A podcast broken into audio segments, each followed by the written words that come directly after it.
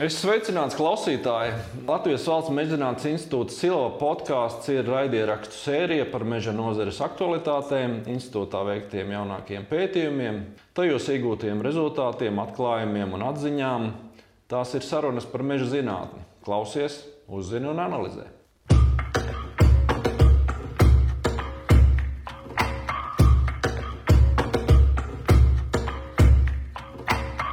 Klausītāji, Šodien mēs parunāsim par to, kā panākt, lai mežs augtu ātrāk. Par meža mēslošanu, kāpēc viņa ir vajadzīga, vai viņa vispār ir vajadzīga, ko no šī pasākuma iegūst meža īpašnieks un sabiedrība kopumā, kādas meža audzes, kurā laikā mēslot, lai šis pasākums atmaksātos, par pelnu izmantošanu meža mēslošanā, galu galā par vidas aspektiem visā tā sakarā.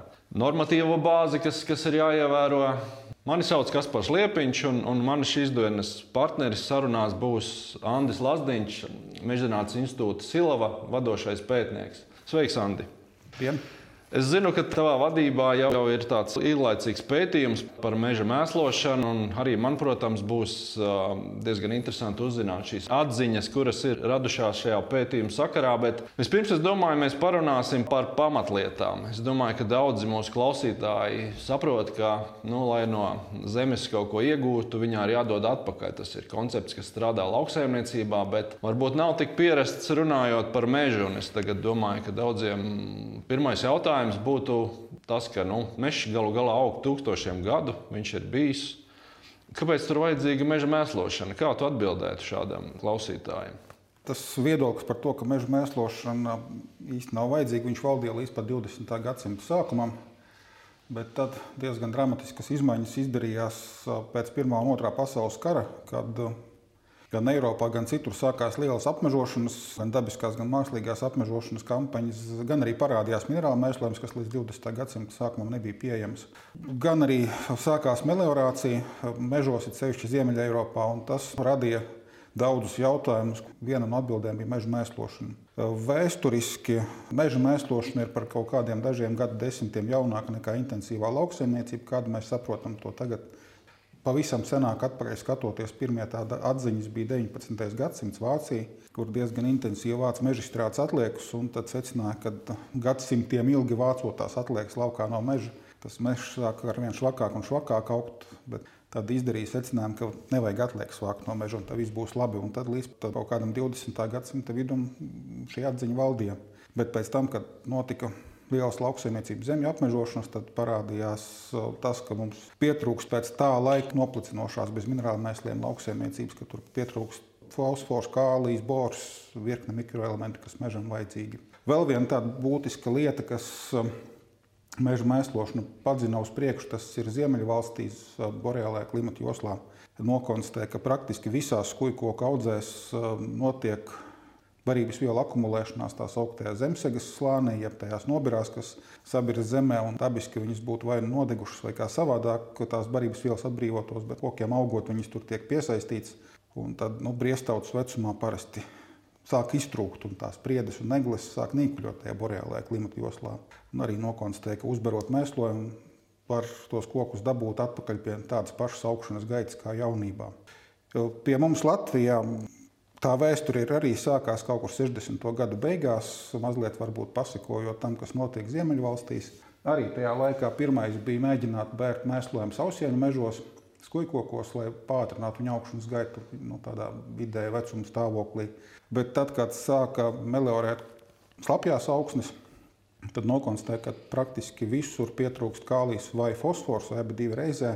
Un tad vēl viens virziens aizgāja šis uh, meliorēto augšņu uzlabošana ar kāliju fosforu mēslojumu. Tas arī nu, diezgan masveidīgi notika tieši tāpat arī Ziemeļvalstīs. Nu, tā viņš no 60. gada sākuma līdz pat mūsdienām ir um, aizgājis. Tas mēslošanas virziens diezgan stabili. Viņš sasniedza kaut kādu savu maksimumu 70. gada beigās, tad nedaudz samazinājās sakarā ar visādām krīzēm, kas tajā laikā iestājās. Un, nu, pēc 90. gadiem visās Ziemeļvalstīs viņš ir diezgan stabils, tas meža mēslošanas līmenis. Ir trīs valstis, kurās notiek meža mēslošana. Tas ir um, Somija, Zviedrija, Norvēģija. Gan Somijā, gan Zviedrijā par to maksāja līdz nesen, nesenam laikam. Šobrīd vienīgā valsts, kur par meža mēslošanu maksā Ziemeļos tā ir um, Norvēģija.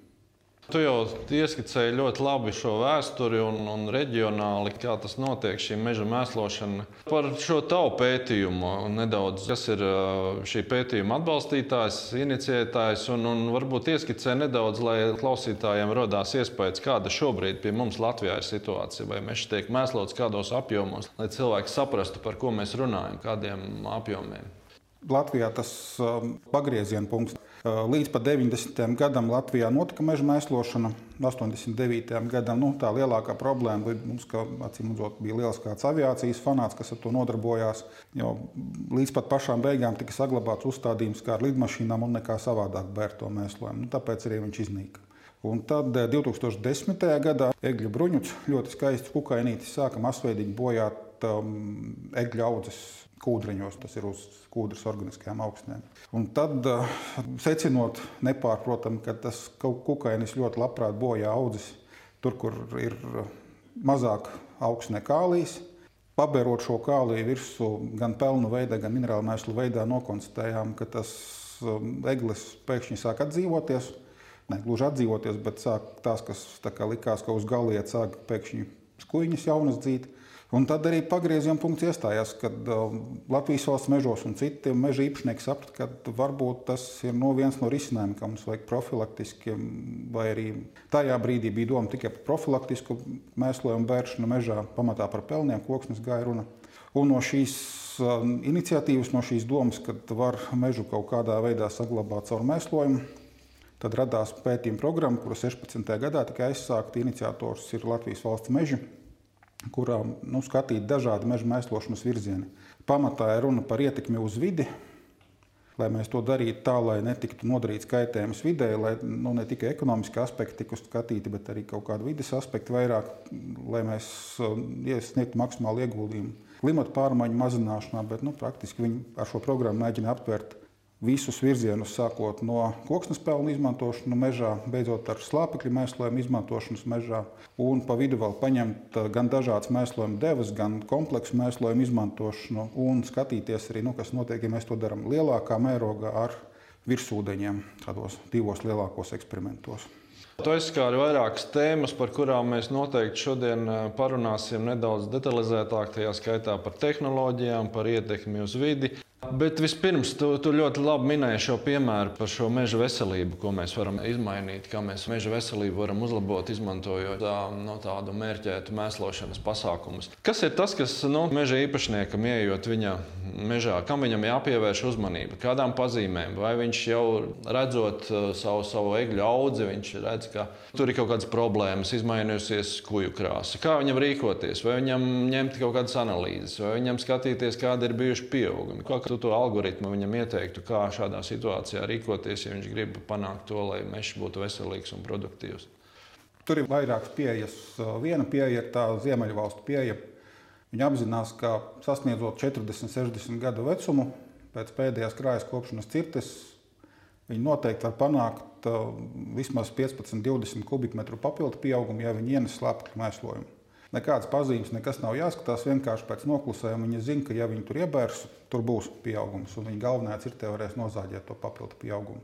Tur nekādas pazīmes, vienkārši vecums, audzes un sugu sastāvs. Skujkoks vidēja vecuma līdz no mūsu, mūsu apstākļos tas varētu būt līdz, līdz damaksnim ieskaitot meža, meža tipi, varbūt arī vēra meža tipā, bet nu, tur priedi varbūt nebūs tās tipiskas koks. Tad ir otrs uh, variants, kad meža īpašniekam ir kūdrenis, ar skujkoku. Priedi var būt tāds mazāk tipisks, egle varētu būt tas suga, kas visvairāk cieš no kaut kādām problēmām.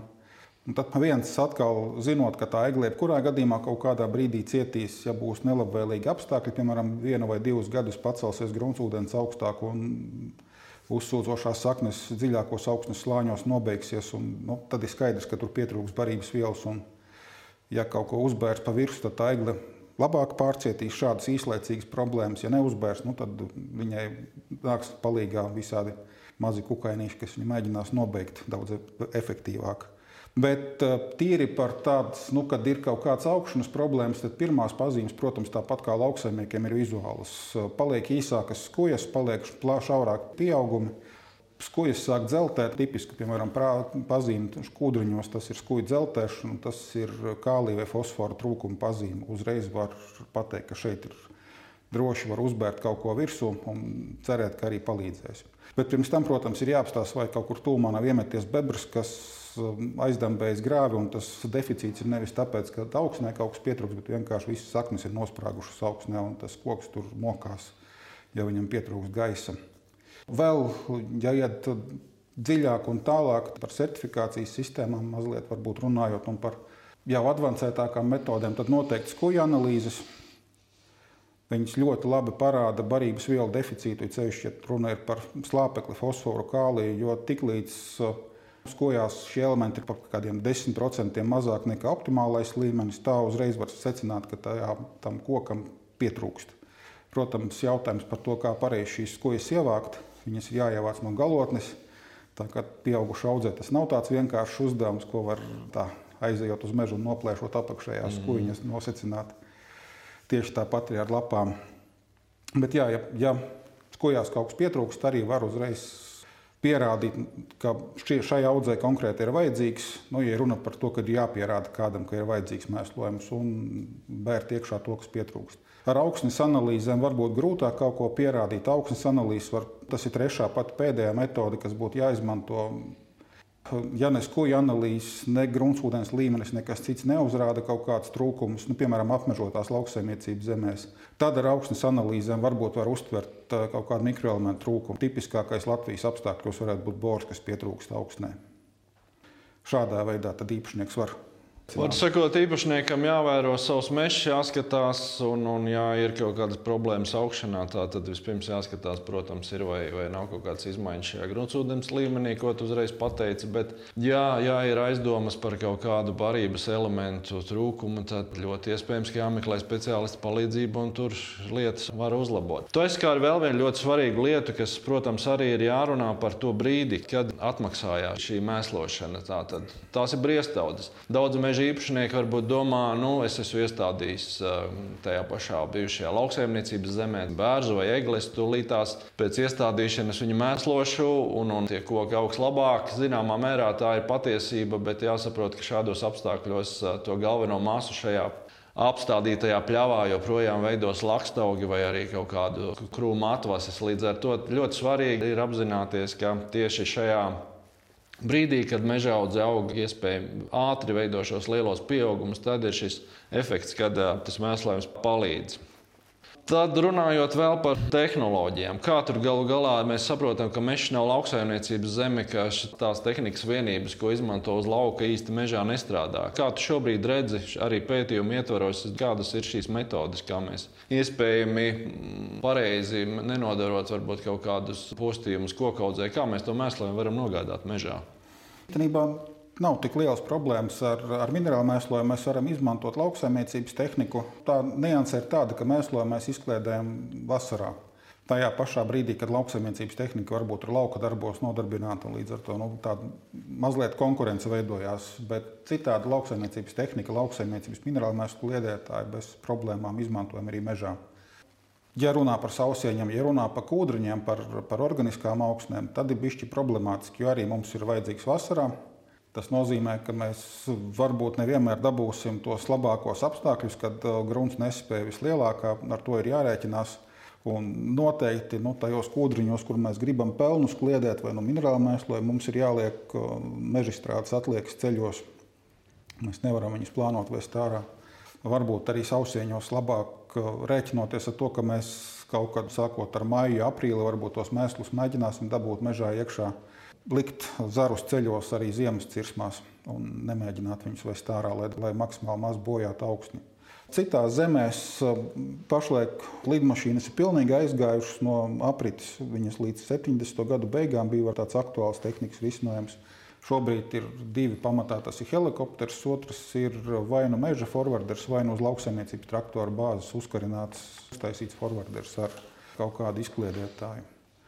Tā kā devas ir Ja mēs runājam par minerālu mēsliem, tie varētu būt no uz hektāru kaut kā 400 līdz 500 kg, ko ienes iekšā. Tad var apmēram iedomāties, ka lai vidēju, vidēju cirsmu 1,2 hektāri vai līdz 2 hektāri, tad mums tas Trumulis ir vajadzīgs starp pustonu un tonu, ko mēs dabūjam mežā. Pustonu tie ir uzkarināmie, kad iet pāri tonnai, tie jau pārsvarīgi kaut kādas uz saviem riteņiem, kas līdz traktoram tiek vilkti. Bet uh, lauksaimniecības tehnika nekāda problēma ar minerālmēsliem. Attiecībā uz pelniem tur ir stipri bēdīgāks tas stāsts, jo uh, Ziemeļu valstīs pamatā izmanto no verdošās lāņa katliem pelnus, kas tas ir apmēram tāda masa kā tāda rupja milters smilšu piemaisījuma tad uh, viņus var uh, cietināt, viņus var granulēt, viņus var sapresēt. Visādi risinājumi ir pieejami, un tas materiāls arī ir relatīvi vienkārši dabūjams iekšā mežā pēc apstrādes. Mums ir pamatā kustīgu ārdu katli, kur mums ir ekstrēmas situācijas, kaut kāda ārda elementi, metāli. Tas varbūt ir tāds netipisks gadījums, bet uh, Viņi ir dažādi, viņi ir kušņiem, viņi ir nesadegušām koksnes atliekām. Nu, attiecīgi, visdažādākie gabali tur iekšā ir. Tātad viņi ir jāsijā, viņi daudz sliktāk cementējās, tāda granulēšanas tehnoloģijas arī tur tā grūti pielietojamas. Ir. Tur faktiski katrai apkuras sistēmai būtu jāveido savs cietināšanas paņēmiens, lai tos pelnus apstrādātu un lai pēc tam dabūtu uz mežu. Bet jā, pelniem tā ir šobrīd neatrisināta problēma Latvijā. Tu jau aizskāri jā, nākošo sarunas tēmu par pelnu izmantošanu. Un, protams, arī daudzi domāju, klausītāji ir dzirdējuši, ka pelna ir vērtīgs materiāls kaut vai mazdārziņu ielabošanai. Daudziem ir pieejami šie sadzīves pelni, kas radās viņu pašu katlos un, un krāsnīs, kurus var droši izmantot. Bet šie pelni, kas šobrīd radās šajās lielajās katlumājās, par cik Latvijā šobrīd koknes biomasas izmantošana apkurē notiek ar vien intensīvāk un intensīvāk. Tur ir šīs problēmas, ko jau tu ieskicēji. Bet uh, no vidas viedokļa tas, protams, liktos um, diezgan pievilcīgi. Tas, ko mēs esam no meža iznesuši ar šo koksnes biomasu, mēs viņu pelnu formā atgriežam atpakaļ. Kas ir vērtīgs tajos pelnos, ko mēs um, pēc tam varam nogādāt mežā un, un no, no kā būtu jāuzmanās? Kādi ir šie varbūt vidas aspekti, ar ko ir jārēķinās, ja mēs izmantojam pelnus uh, meža mēslošanā? Nu, attiecībā uz mežu varbūt mazāk tās problemātiskās jomas, attiecībā uz lauksaimniecību vairāk, jo pelniem mums ir divas frakcijas. Ja tā rupi dalot, viens ir tas, kas kurtuvē nonāk nobirst lejā, tas ir tautā sauktā smagā frakcija, un otrs tas, kas tiek uztverts kursteņos. Sodrē mēs viņus varētu tā nosaukt, to, ko iztīra no kursteņiem ārā. Tad eh, vienam sliktam metālam, kas mums ir eh, nu, visur un koks arī tajā skaitā, tas ir kadmijs. Viņam ir zema kušanas temperatūra, nu, izlaikošanas temperatūra. Un viņš viss pāriet tajos sodrējos, kas ir skurstenī. Tāpēc uh, mazdārziņos labāk to, kas no skursteņiem iztīrīts, neizmantot. To labāk kaut kur izbērt uh, gruškastē un izgāzt vai aizgādāt. Bet to, kas lejā no, no kurtuves tiek izgrābts, tas ir viss ir labi. Tur kadmijas ļoti maz, un arī citi smagie metāli tur īpaši daudz nav. Nebūtu viņam kur rasties, ja tas nav kaut kāds krāsots koks. Labums, kas tur iekšā ir, faktiski divi labumi. Savstarpēji saistīti. Viens ir tas, ka tur ir daudz kālijas, fosfors, kalcijs, magnīs, un tur ir buķeti ar mikroelementiem, kuriem tā vai citādi saimnieciskās darbības rezultātā, piemēram, mēs nozāģējam meža audzi no tās mežstrādes atliekas paliek zemē, un tur nav koku masa, kas tās barības vielas spētu atkal uzsūkt un saglabāt sevi. Jo kokiem ir tā īpatnība, ka viņi barības vielas nevis augstnē glabā, bet sevī skujās, stumbrā, un zaros un saknēs un pēc tam pakāpeniski izlieto. Līdz ar to viņi ir spējīgi kaut kāds no īslaicīgas barības vielu trūkums paciest. Bet lakstaugiem šāda īpatnība nav, viņiem barības vielas ir rezervē. Līdz ar to nu, pēc meža strādes mums tā meža audze vairs nav, mums barības vielas izskalojās. Un tad, jā, ja mēs ar pelniem varam ienest atpakaļ viņas, ņemot slāpekli. Tas ir viens pluss, ka mēs tiešām atnesam atpakaļ. Tā ir teikt, tāda zviedru pieeja. Viņi pēc katras kopšanas cirtes, arī pēc atjaunošanas cirtes, ienes uh, meža audzē aptuveni nu, plus mīnus divas tonnas koksnes pelnu kas atbilst tam, ko viņi no tās mežaudas ir iznesuši ārā. Tas ir tāds kompensējošā pelnu ienešana. Un otrs ir risinājums, ir uh, tāda nopietna mēslošana ar pelniem. Lauksaimniecībā tās devas varbūt ir stipri lielākas nekā mēs mežā izmantojam, bet mežā mēs kaut kur 5 tonnas uz hektāru varētu rekomendēt ienest. Un tad ir tie jā, divi labumi. Viens ir tas, ka mēs barības vielas ienesam par to, par ko es jau runāju, un otra lieta ir tas, ka tajā brīdī, kad mums mežā notiek organisko vielu, tajā skaitā meža strādes atlieku sadalīšanās, mums izdalās ļoti daudz skābes organiskās. Ļoti daudz, vai, maz, vai ne ļoti daudz, bet katrā ziņā viņas ir vairāk nekā dabiskos apstākļos. Viņas nonāk meliorācijas grāvjos, tad viņas nonāk uh, upītēs un notiek ūdeņa paskābināšanās. 70. gados tas bija tāds liels, kā tagad klimata pārmaiņas kaut kādā šaurā reģionā, tā toreiz tas bija upju ūdeņa paskābināšanās, tad mežā masveidīgi kaļķi bēra. Piemēram, tāds uh, zvēriņš kā upes pērlinē, viņai nepatīk tā paskābināšanās, un tāpēc viņi varbūt arī iznīks no mūsu ūdeņiem. Un tad ar šiem pelniem mēs ienesam bāziskos elementus un panākam, ka tas process tiek uh, bremzēts, vai tieši pretēji mēs panākam, ka tie ūdeņi kļūst neitrālāki vai pat bāziskāki. Tā kā varam cerēt, ka mēs sabērsim daudz pelnu mežā, mums tur pēc kaut kāda laika upes pērlenes tuvējās upītēs mm. parādīsies. Viena no galvenajām lietām, ko tu pateici, es domāju, kas arī daudzus uztrauc, ir tas, vai mēs ar pelniem mežā neienesam kaut kādus smagos metālus, kas ir tāds bubulis. Un, uztraukums, par ko daudz domā. Iesāk runāt par šo ietekmi uz vidi, kas radās mēslošanas laikā. Es domāju, ka tā arī daudziem klausītājiem būs tāda lieta, par ko noteikti gribēs zināt, vai mēs nenodaram pāri, uzlabojot šo dabisko meža ekosistēmu, pienesot viņā papildus barības vielas, to pašu slāpekļa mēslojumu, vai mēs neizmainām to vidi. Kāds ir tavs ātrā atbilde, vai mēs arī šajā gadījumā varbūt gruntsūdeņi ir tie, kas daudzus uztrauc, vai, vai tur nerodās kaut kādas izmaiņas. Es domāju, ka arī šīs lietas noteikti esmu skatījies. Pētījumā tas varbūt bija tas centrālais arī jautājumu lokus, par ko tika skatīts, kāda ir ietekme uz zemesēdzes vegetāciju, tas ir nu, tiem augiem, kas aug apakšā, kāda ietekme uz gruntsūdeņiem un kāda ietekme uz ūdeņiem, kas veidojās pēc tam upītēs no gruntsūdeņiem. Tu pašlaik uh, ir uh, garākais novērojuma periods, ir četri gadi, kur mēs skatījāmies, kas notiek pēc mēslojuma ienešanas ar rupju ūdeņiem. Tad, uh, tas bija ar minerālu mēsliem, ar ienesot 450 kg amonija nitrāta, aptuveni 10 hektāru platībā, ja nemaldos. Tad bija tāda rūsiņa upīte, kur mēs vērojām, kas notiek četru gadu laikā ar ūdens sastāvu. Tad, Jā, nu, tas ķīmiskais sastāvs ūdenī nenoraustījās nevienā brīdī no tā, ka mēs esam ienesuši mēslojumu. Bet par laimi mēs veicām pētījumu. Mēs vienu gadu sekojām, skatījāmies, kas notiek pirms eh, mēslošanas. Un pēc tam mēs sākām vērot, kas notiek pēc mēslošanas. Ja nebūtu šī viena gada pirms, tad mēs būtu nosacinājuši, ka pavasarī mums briesmīgi daudz slāpeklis tajā ūdenī parādās. Bet realitātē viņš ienāca nevis no meža, bet no lauksaimniecības zemēm. Lai arī nu, tur minimāli tā saskara ar lauksaimniecību šai upītē ir, bet jā, ar to pietika. Bet no meža tur nekas nenonāca.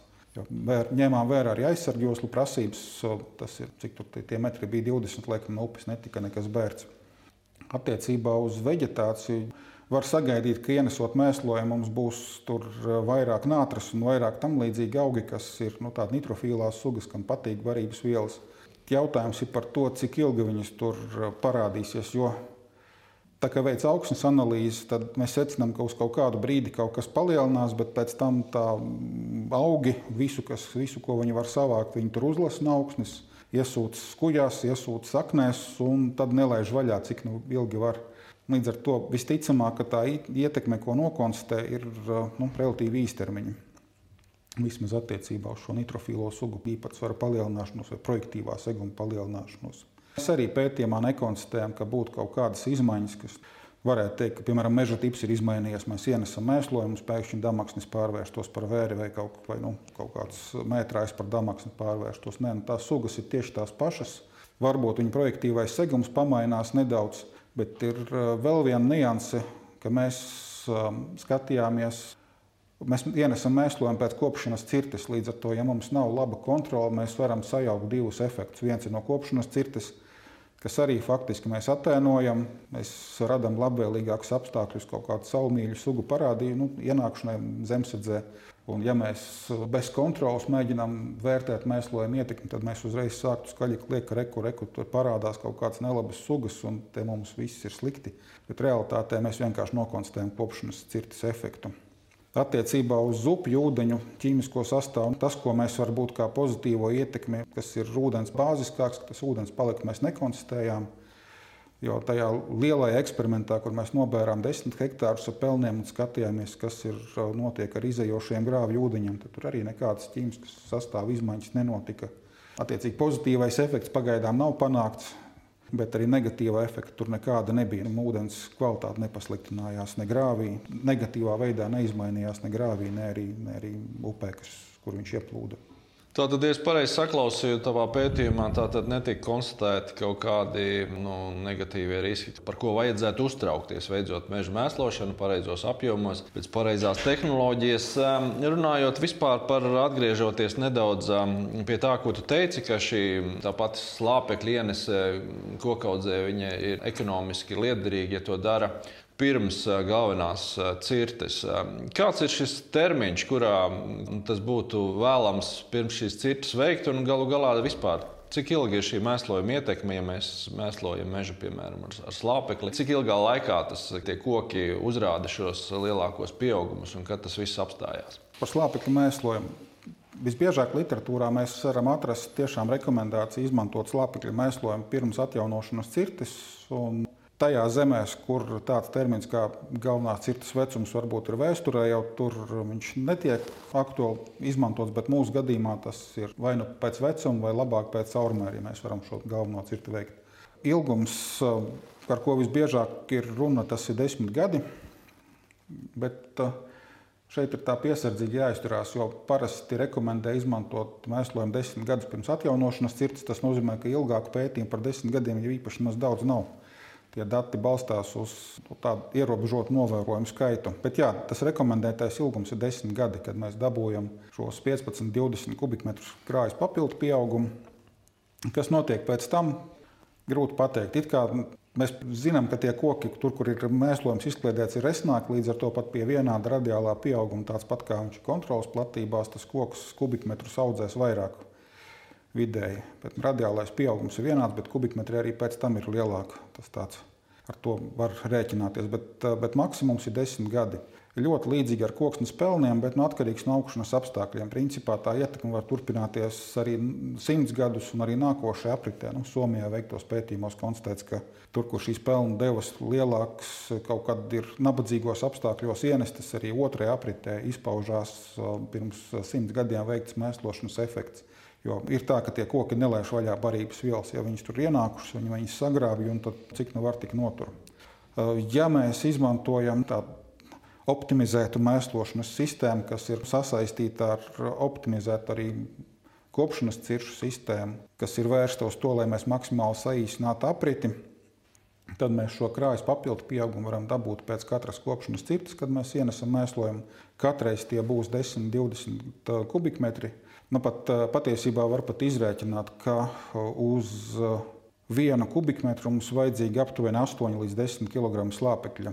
Latvijas apstākļos mums vēl kaut kāda čipstiņa fosfora pieber klāt, lai, lai dabūtu to papildu pieaugumu. Bet jā, tie ir 80 kg uz vienu kubikmetru. Ar to var diezgan droši rēķināties. Arī Latvijā pētījumos tas ir apstiprināts. Tikai Zviedriem pietiek ar pliku slāpekli, mums ir vēl -hmm. vajadzīgs mazliet fosfors klāt, lai to efektu dabūtu visur.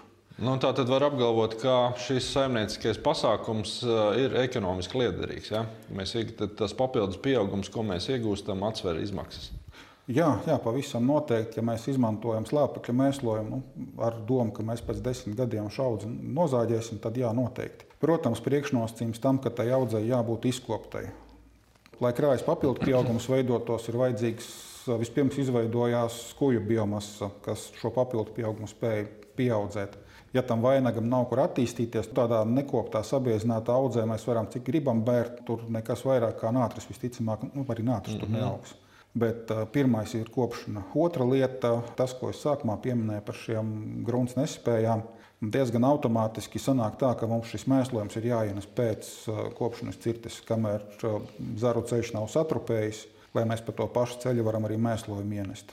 Tāpēc, lai kā mēs varbūt zinātniski, varbūt pareizi būtu kaut kādus gadus vēlāk, bet loģiski būtu to darīt to līdz pēc kopšanas cirtas. Un ar domu, ka mēs pēc caurmēra nozāģējam no nu, pēc desmit gadiem aptuveni to audzi. Jā.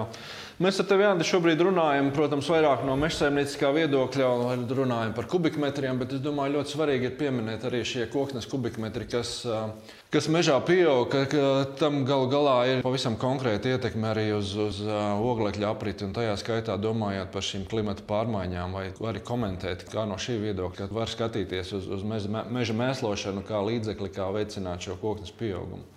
Jā, nu, es pieminēju sākumā Norvēģiju, ka tā ir viena no valstīm, kur maksā par meža mēslošanu. Un tad maksā tieši tāpēc, ka tas ir visātrākais un visefekt, tādā ziņā visefektīvākais, kad ātri var panākt efektu. Nu, teiksim, mēs vienā gadā uzvaram, nākošajā gadā mums jau tā gadsimta ir par 20% resnāko, divreiz resnāko mm -hmm. jaunaudzēs. Tāpēc noteikti tas ir risinājums klimata pārmaiņu mazināšanai. Ja mēs nevaram ātri palielināt meža platību, Mēs nevaram piespiest tos kokus sākumā strauji augt, apmežojot, bet mēs varam tos esošos kokus pēc kopšanas cirtes nobērt ar mēslojumu tādu vai citādu un panākt, ka viņi daudz straujāk aug. It sevišķi tas efekts izpaužās jaunaudzēs. Un te varbūt ir tāds jaunaudzēs, tas ir 20 līdz 40 gadu vecs jaunaudzes ir domāts. Bet te ir tā nu, šķēre. Ekonomiski varbūt tās jaunaudžu mēslošana nav izdevīga. Tieši tāpēc varbūt Norvēģija arī maksā par to. Ekonomiski ir izdevīgi darīt briestaudzēs šo mēslošanu, bet platība, kas ir piemērota jaunajā galā, ir daudz lielāka nekā, nekā vecajā galā. Līdz ar to no klimata izmaiņu un pārmaiņu mazināšanas viedokļa labāk ir to darīt jaunaudzēs. Protams, ja koks aug ātrāk, viņam veidojās platākas gadsimtas, un, un droši vien būs cilvēki, kas ir saistīti ar amatniecību, piemēram, un, un viņus varbūt uztrauc tas, ka nu, tā nākotnes koksne, ko viņi iegūst mežā, viņa būs mazāk izturīga. Runājot īpaši par skūju kokiem, šīm platajām gadsimtām, viņam tā bažas, ka kvalitatīvu guļbūvu māju vairs nevarēs uzcelt no Latvijā augušiem kokiem. Vai tu vari kaut ko pateikt, lai kliedētu varbūt arī šīs bažas, kas varbūt daudziem cilvēkiem radušās? Jā, nu es nezinu, es viņas varēšu kliedēt, bet uh, Tā meža mēslošanas ideja ir tāda, ka mums ir um, jauns koks ar caurmēru 10-15 cm, kuram gadsimtu platums ir centimetrs vai mazāk, mazliet, un tad kaut kādā brīdī dažādu apstākļu ietekmē viņam sāk šīs gadsimtas samazināties. Un tas, ko mēs izdarām ar mēslošanu, arī ar kopšanas cirtēm, liekot šos pasākumus kopā, tas, ka šīs gadsimtas visu laiku ir pusi centimetru vai centimetru plats, mēs panākam, ka viņas ir vienādas visā koka mūža laikā. Tad nu, tālāk ir jautājums varbūt šiem amatniekiem un citiem, kas ar koku nodarbojas, vai tāds koks, kuram ir vienāds gadskārtas, gan, gan sākumā, gan beigās, ir labs vai slikts. Jā, īsāk sakot, tas, ko mēs panākam, ka tas koks viscaur ir stipri līdzīgs pēc savām īpašībām no, no vidus līdz pat ārmalai. Bet vai tas kaut kā negatīvi ietekmē koksnes īpašības grūti pateikt. Attiecībā uz koksnes blīvumu tas nekādu ietekmi nerada. Tas, ka tā koksne ir tikpat blīva tajās platajās gadsimtās kā šaurajās gadsimtās, bet, nu, protams, ir ekstrēmas situācijas, ja mēs nevaram salīdzināt kaut kādā purvainī smagos apstākļos ar pusmilimetru platām gadsimtām augušu koku ar labos apstākļos augušu koku, kam ir nu, puscentimetru platas mm. gadsimts, tas ir desmit reizes platāks. Mums ir jāsaprot, ka koki šobrīd aug straujāk. Gan meža saimnieciskas ietekmes dēļ, gan arī vispār ir novērots, ka koks pieaugums šobrīd ir, ir lielāki faktiski visā pasaulē. Un koksnes apstrādes tehnoloģijas, kad ko šie mazie koksnes gabali tiek audzēti, salīmēti un galu galā šī līmētā koksne pat pēc mehāniskām īpašībām ir, ir, ir labāka nekā masīva koksne. Bet nu, tiem amatniekiem, kuri varbūt um, ikdienā, kuriem tiešām vajag šo koksni, mm, ļoti cietu ar, ar šaurām, šaurām gadsimtām, protams, šī koksne ir jāatlasa. Kā jau Andris minēja, tomēr ir šie meža tipi, kuros koki aug lēnāk, un tur tādu koksni var dabūt. Vēl viens jautājums, ka noteikti mums ar tevi vajag pārunāt, ir šī normatīvā bāze, kāda šobrīd ir Latvijā meža mēslošanā, kas jāņem vērā gan, gan no drošības drošības prasībām, gan no vidas prasībām, uzsākot šo un, un apsverot vispār šī pasākuma uzsākšanu? Jā, nu, attiecībā uz meža tā normatīvā bāze ir diezgan nu, brīva. Ir, um, Attiecībā uz minerālu mēslu nu, viņi ir reģistrēti Latvijā. Mēs viņus varam mežā izmantot, uh, ja nav citu ierobežojumu, bez īpašiem ierobežojumiem. Attiecībā uz pelniem ir tā, ka lielākā daļa koksnes pelnu ražotāju savus pelnus šobrīd ir reģistrējusi kā kaļķošanas līdzekli. Ceļš granulu ražotāji, kas mums ir lielākais uz šo brīdi pelnu tās producents. Un, nu, viņam ir jāatbilst noteiktām kvalitātes prasībām. Varbūt uh, mazāk no reglamentējošā viedokļa, vairāk no tāda praktiskā viedokļa, jābūt vismaz noteiktam daudzumam šo barības vielu, fosforam, kālijam. Un, ja tie ir, tad arī pārējie visi būs noteikti un nedrīkst būt pārsniegt robežu vērtības, kas noteikti mēs, mēslošanas līdzekļu kvalitātes prasībās attiecībā uz smagajiem metāliem. Nu, arī ja zinot, ka tā proporcija vairāk vai mazāk ir vienāda, mēs varam paņemt kadmiju un kaut to pašu chromu. Ja viņi nepārsniedz šīs kvalitātes prasības, problēmas parasti ir tieši ar kadmiju, it sevišķi vedošās lāņu katlos. kur sajauc šos sodrējus, augšējos pelnus ar apakšējiem pelniem. Tad arī lielas problēmas nevajadzētu būt. Devu ierobežojums faktiski nav nekādi mežā, atšķirībā no lauksaimniecības. Nu, bet nebūtu jāpārspīlē teiksim, to pašu slāpekli, ja mēs strādājam nitrātu jutīgajās teritorijās. Nu, būtu tie paši lauksaimniecības normatīvi jāievēro. Nevajadzētu trīs reizes vairāk vai četras reizes vairāk ienest mežā nekā. Un tas ir tam arī nav jēgas īstenībā. Bet attiecībā uz certifikācijas sistēmām, arī certifikācijas sistēmu izstrādātāji saprot, ka ir situācijas, kad šo mežu var uh, saglabāt pie dzīvības, atgriezt pie dzīvības, vai panākt, ka viņš uh, atvesaļojās un, un spēja augt tikai ar uh, meža mēslojumu. Un arī pēc šādas loģikas ir būvētas certifikācijas prasības. Ja mēs redzam, ka ar citiem pasākumiem mēs nevaram panākt to, ka šī mežaudze atdzīvojās vai turpina dzīvot, vai arī pastāv risks, ka neienesot barības vielas mežaudzes kvalitāte pasliktināsies, tad ir pieļaujams meža mēslojums. Attiecībā uz pelniem nav ierobežojumi nevienā, ne otrā certifikācijas sistēmā, kas mums Latvijā ir izplatīta. FSC iepriekš spēkā esošajā standartā bija nosacījums, ka mēs nedrīkstam izmantot sintētisko slāpekļa mēslošanas līdzekļus. Nu, minerālos mēs attiecīgi varam izmantot. Un tad likuma normatīvos var paskatīties, kas ir sintētiskais, kas ir minerālais. Es godīgi sakot, tā arī nesaprotu, mm. ar ko viņi savā starpā atšķīrās. Skatoties uz priekšu, uz nākotni, šis pētījums, es saprotu, šobrīd ir tuvu noslēgumam. Kā tu redzi nākotnē, cik, cik liela ir šī nozares uzņēmuma interese par, par mez, meža mēslošanu, un kā tu redzi, teiksim, nu, tuvāko desmitgadi, vai šie, šis saimnieciskais pasākums mežam, meža mēslošana, vai viņam būs tendence pieaug, un, un, un kāda varbūt tev ir kaut kādas idejas par apjomiem vai, vai redzējums, kāda, kāda varētu būt apjoma apjomi, kādos tas varētu mūsu mežos notikt? Mēs skatījāmies attiecībā uz Latvijas valsts mežiem. Ir daudz sarunas ar atsevišķiem privātiem meža īpašniekiem, gan par slāpekļu mēsliem, gan par koksnes pelnu izmantošanu. Varbūt tie ir divi dažādi stāsti, kurus vajadzētu nodalīt. Tas apjoms, nu, tie ir teorētiski, ko mēs varētu valsts mežos, tas ir aptuveni 2000 hektāri gadā. Slāpekļa mēslojums pirms galvenās cirtas. Nu, mēs pašlaik vēl nerunājam par tām lietām, kur uh, primārais varētu būt viss vidas vai klimata aspekts, bet tieši par ekonomisku aspektu. Tie būtu 2000 hektāri slāpekļa mēslojums pirms desmit gadiem, pirms, pirms atjaunošanas cirtas. Attiecībā uz pelniem tas ir kūdriņa āreņi. Arī mēs šobrīd runājam tikai par platībām, kur plānots veikt atjaunošanas cirti. Tie varētu būt 4000 hektāri gadā valsts mežos. Ja pieliekam privātos mežus klāt, tad skaitli gluži ar divi reizināt nevar, bet aptuveni turpat mēs būsim, ja sareizināsim divi tās platības. Attiecībā uz koksnes pelniem ir viens jautājums, kas ir jāatrisina. Kaut kādā brīdī pašlaik mēģina sazobēt, sanākt pelnu ražotāji ar meža īpašniekiem un sadalīt tās atbildības, bet tā lielākā problēma ir pelnu kvalitāte. Kamēr viņi nav sagatavoti līdz tādam stāvoklim, ka viņus var izkliedēt mežā bez lomika palīdzības un bez cilvēku roku darba vielas iesaistīšanās, tikmēr tas būs grūti izdarāms. Pašlaik nu, visticamāk tas ir kaut kur pelnu ražotāju pusē. Šī pelnu pārstrāde, lai viņus varētu izmantot mežā. No otras puses, no meža īpašniekiem ir jāgarantē, ka, ka viņi dos tās meža audzes. Faktiski, ja, ja mēs tā uz, uz maksimālo apjomu izējām, cik varētu tos pelnus izmantot, cik mēs no kā zinātnieki gribētu, ka viņus izmantot, tad, tad mums būtu jāimportē no kaut kurienes tie koksnes pelni Nu, tur, kur mēs vedam granulas, mums būtu jāvada atpakaļ koksnes pelni no turienes. Tikai bez akmeņogliem kaut kā jāmēģina tikt. Labi, Andi, paldies par šo sarunu. Es domāju, ka daudzi klausītāji uzzināja daudz ko jaunu, tajā skaitā arī es. Un, un, un galvenais, ko varbūt vajadzētu paturēt, manuprāt, pēc šīs sarunas prātā, to, ka meža mēslošana var būt ekonomiski izdevīga.